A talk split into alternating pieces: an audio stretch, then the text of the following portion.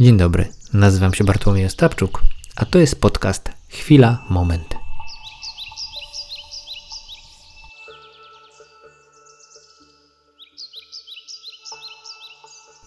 Niedawno byłem nad naszym polskim morzem, które uwielbiam i które bardzo mocno polecam.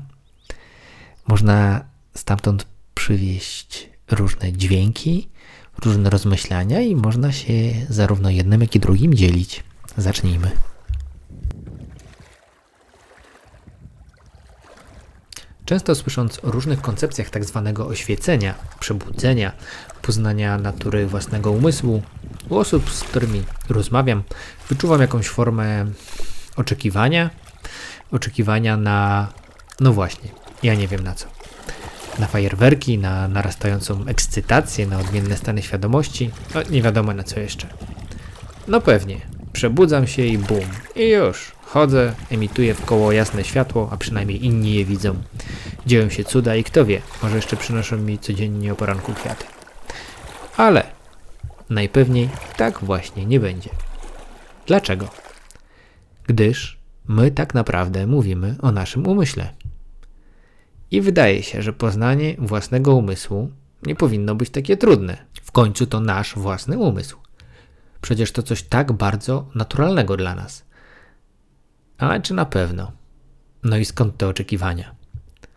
Podam przykład.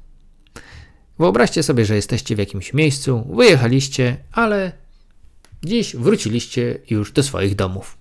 Jak bardzo jesteście podekscytowani tym, że odnaleźliście drogę do domu?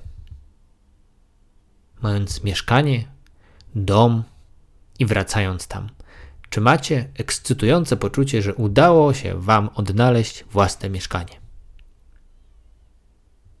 Czy postrzegacie swój powrót do domu jako coś wyjątkowego? Tak wyjątkowego, że chcecie to uczcić na przykład przyjęciem.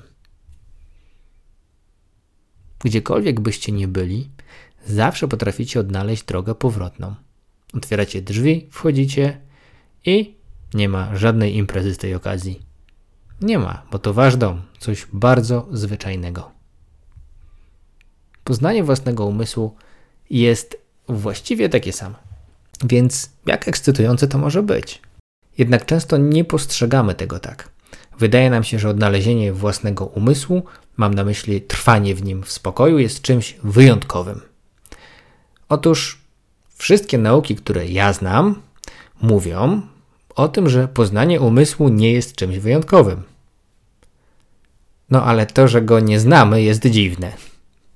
Na co dzień jesteśmy rozproszeni. Jesteśmy bardzo daleko od takiej naszej głębokiej natury. Dlaczego tak jest?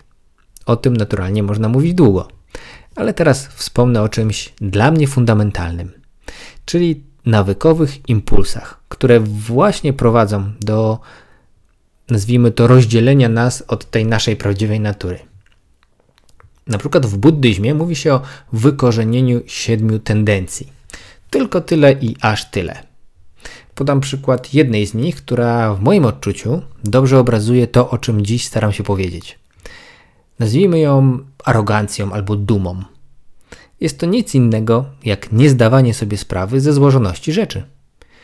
Czyli takie bazowanie, opieranie się jedynie na tym końcowym rezultacie, czyli w pewnym sensie na tym, co widoczne.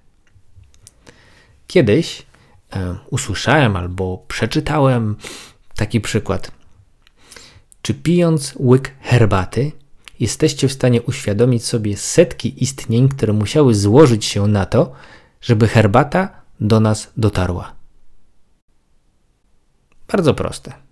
Jeżeli tylko będziemy w stanie widzieć rzeczy w taki sposób, te często niezliczone czynniki, które musiały się złożyć, aby jakaś sytuacja zaistniała, jak chociażby ten moment, teraz, gdy słuchasz tych właśnie słów, nasz umysł będzie w stanie przyjąć dużo szerszą perspektywę.